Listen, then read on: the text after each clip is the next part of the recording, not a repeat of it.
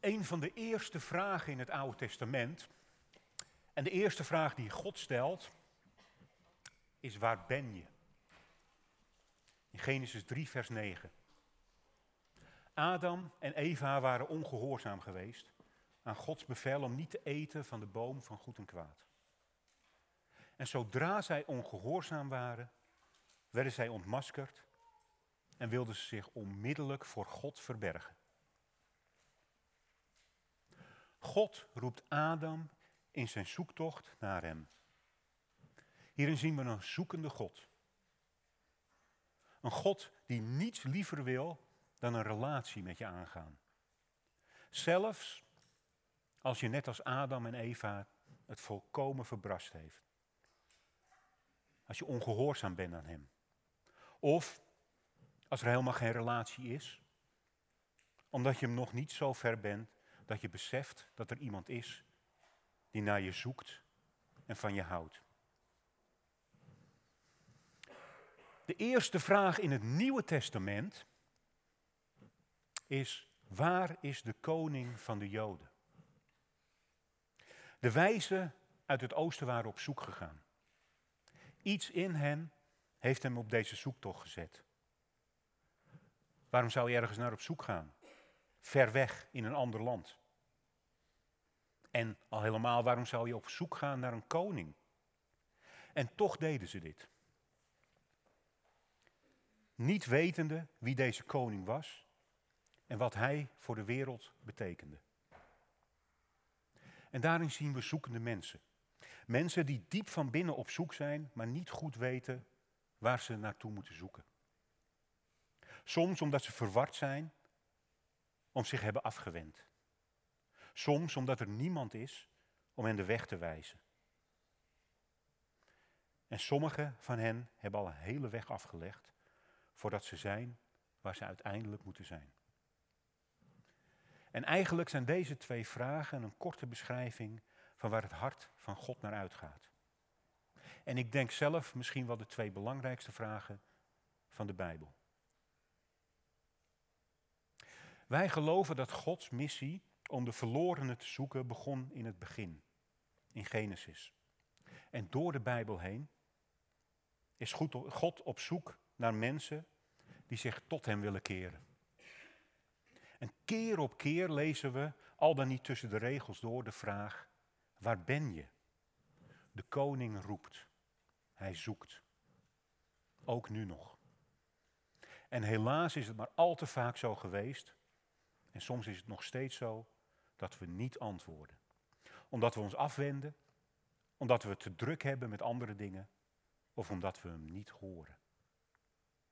En als christen denk ik dat het onze taak is en hopelijk ook ons verlangen om die twee vragen bij elkaar te brengen. Om de verlangende God en de zoekende mens met elkaar te verbinden. Door hen te helpen in hun al dan niet bewuste zoektocht. En dat kunnen we niet alleen. Allereerst heb je dan binnen mensen nodig, een binnen gemeente, die dit verlangen deelt en kenbaar wil maken aan God. En ten tweede hebben we het vertrouwen nodig dat we dit kunnen. Dat betekent dus deelnemen aan het groter maken van God. Maar dan op de manier zoals Hudson Taylor, de zendeling en oplichter van de China Inland Mission en later de OMF zei, hoe kunnen wij God groot maken, die immers zo groot is? Wij kunnen hem toch helemaal niet groter maken? Nee, maar als we bijvoorbeeld met een verrekijker naar de maan kijken, dan maken we de maan groter. Niet werkelijk, maar we halen hem dichterbij. En zo is het ook met God. Als we God proberen groter te maken, halen we hem dichterbij. Voor onszelf, maar ook voor anderen. Voor duizenden voor wie God ver weg lijkt. Ook hierin roept de koning. Maar dit roepen is geen zoeken naar verlorenen, maar een aansporing van zijn kinderen, van ons dus.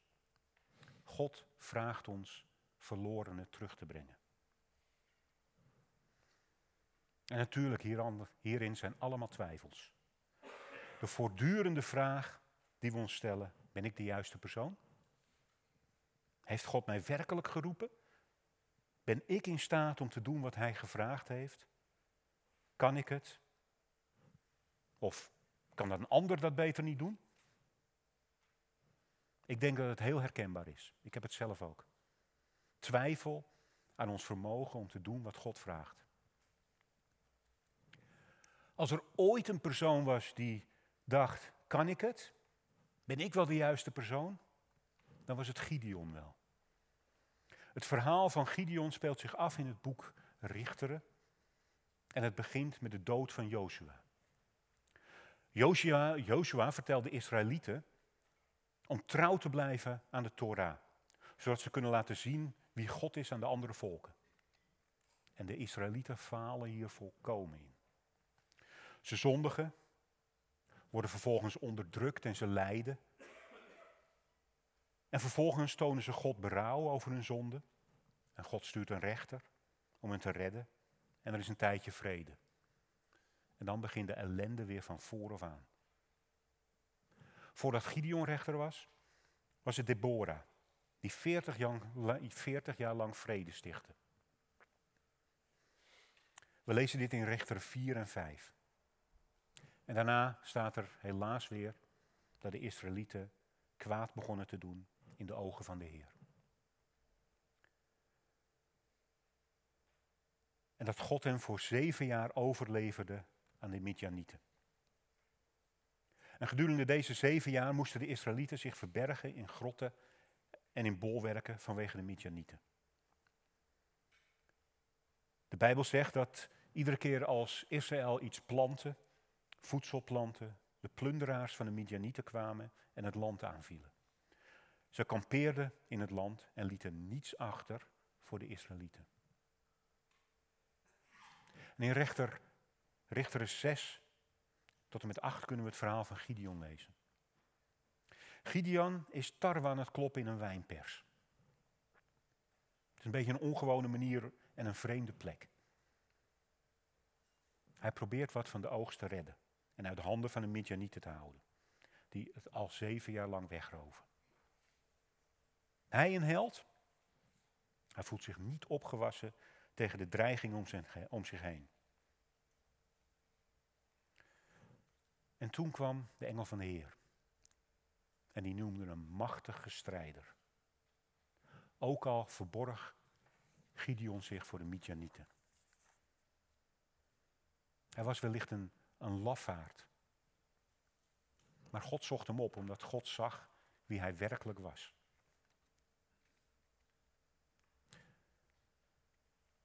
Als we zelfs opgaan in onze eigen gedachten en onze problemen, zo erg dat we ons verstoppen of proberen dat te doen om voor anderen iets verborgen te houden, ziet God het. En God vergeeft ons niet. Hij vergeet ons niet, sorry. God ziet ons en weet hoe Hij ons geschapen heeft om te zijn wie we werkelijk zijn. Hij zoekt ons op en wijst op, op onze kracht. Bijvoorbeeld, zoals in het geval van Gideon, ons een compliment te geven. Machtige strijder. Gideon wordt eerst boos op God. Hij begint God de schuld te geven. Waar bent u geweest? Waarom overkomt ons dit allemaal? Als u bij ons bent. U liet ons in de steek. U gaf ons over aan de Midjanieten. God vertelde net aan Gideon dat hij een machtige krijger is. Maar Gideon was zo druk bezig om uit werelds perspectief te kijken, egoïstisch, dat hij vergat om te zien dat de schepper van, de universiteit, van, van het universum naast hem stond, hem zijn ware identiteit toonde en een oplossing gaf voor zijn probleem. Wat we hieruit kunnen halen is dat we moeten stoppen met God of iemand anders de schuld geven van je problemen. Stoppen met het wijzen naar iemand anders. Zeker met het wijzen naar God. En onze ogen openen voor wat God ons geeft en wat hij ons probeert te zeggen. Gideon was verbitterd op God, omdat hij hem niet geholpen had. Maar naast zijn bitterheid had God het gevoel dat hij niets te bieden had om de zaken te verbeteren. Hij had niet de vaardigheden of de macht om zaken te veranderen, dacht hij.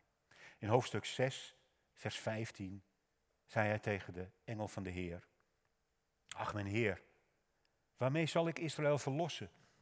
Zie, mijn geslacht is het armste in Manasse en ik ben de jongste van mijn familie. Gideon is ontmoedigd door zijn omgeving. Hij heeft onvervulde verwachtingen en hij zoekt iemand om de schuld te geven. Dus geeft hij God de schuld. En als we eerlijk zijn, doen we het allemaal wel eens. We leggen graag de schuld bij een ander. Onze leider, onze baas, wellicht onze ex, wie dan ook. Maar ook al kunnen we dit schuldspel winnen, daarmee winnen we de strijd niet. De strijd is niet het winnen van het schuldspel. Het schuldspel is alleen maar een afleiding van de strijd, waartoe God ons geroepen heeft. In wereldse ogen was Gideon een niemand. Hij was de jongste van zijn familie en zijn familie de minst invloedrijke van zijn stam. Maar gelukkig, en dat lezen we ook in Korinthe 1, vers 27, God gebruikt de zwakken en de sterke om de sterke te beschamen. En door de hele Bijbel heen lezen we dat God de zwakken gebruikt, zelfs hen die twijfelen. Hoe gaat het nou verder? Gideon die staat niet echt enthousiast te springen. Keer op keer vraagt hij God om een teken. Allereerst verteerde een engel het eten dat Gideon had meegebracht met vuur. En daarna spreidde Gideon twee opeenvolgende nachten een wolkkleed uit over de grond. Waar hij de eerste wilde dat het kleed nat zou worden. En vervolgens dat het kleed droog zou worden en de grond nat. En was God ontmoedigd?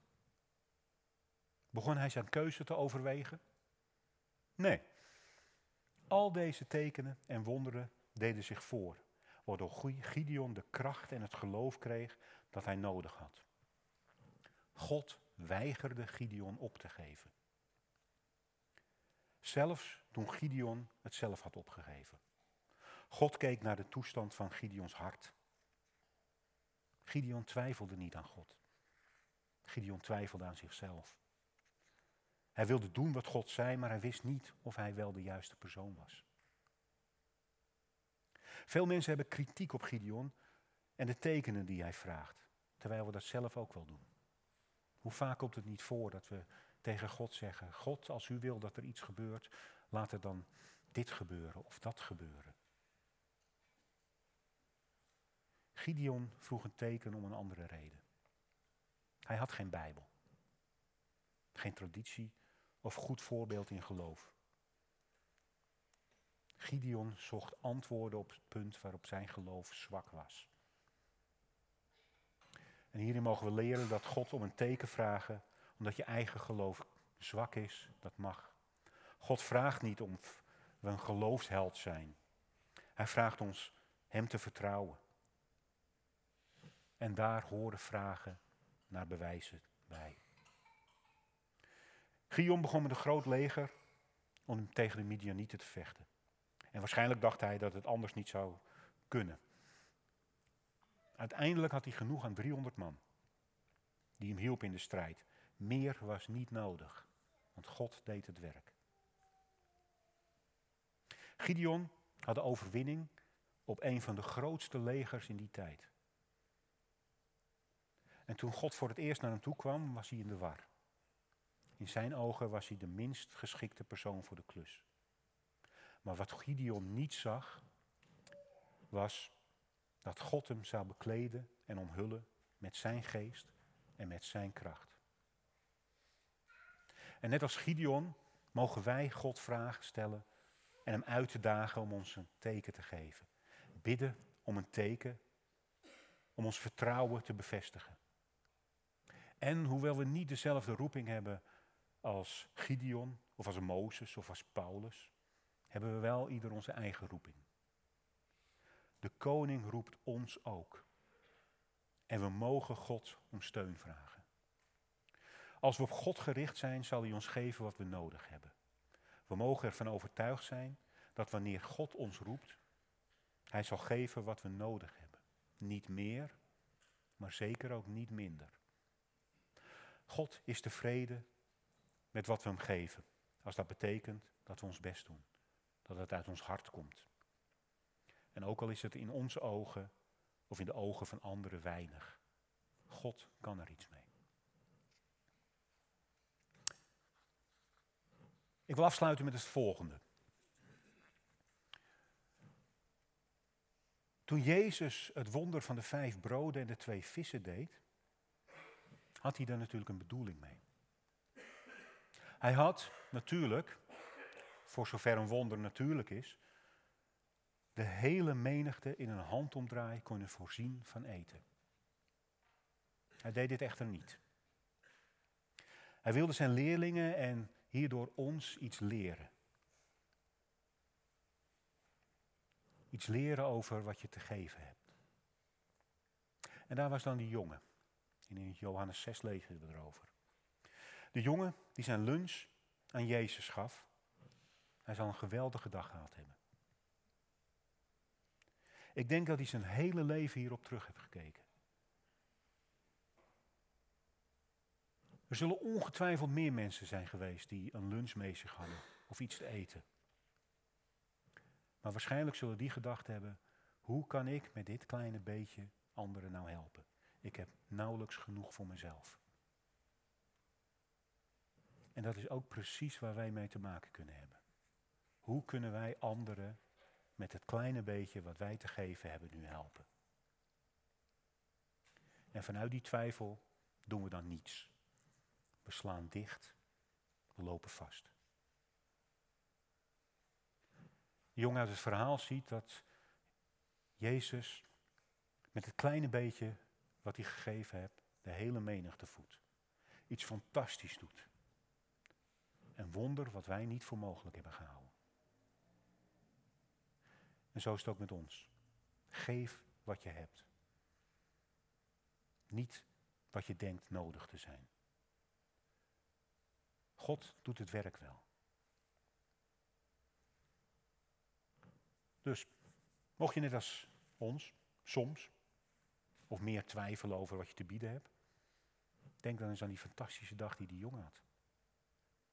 Door het kleine beetje wat hij gaf te geven aan Jezus en te zien wat Jezus daarmee kan doen. Jezus doet meer dan dat wij denken. 아멘.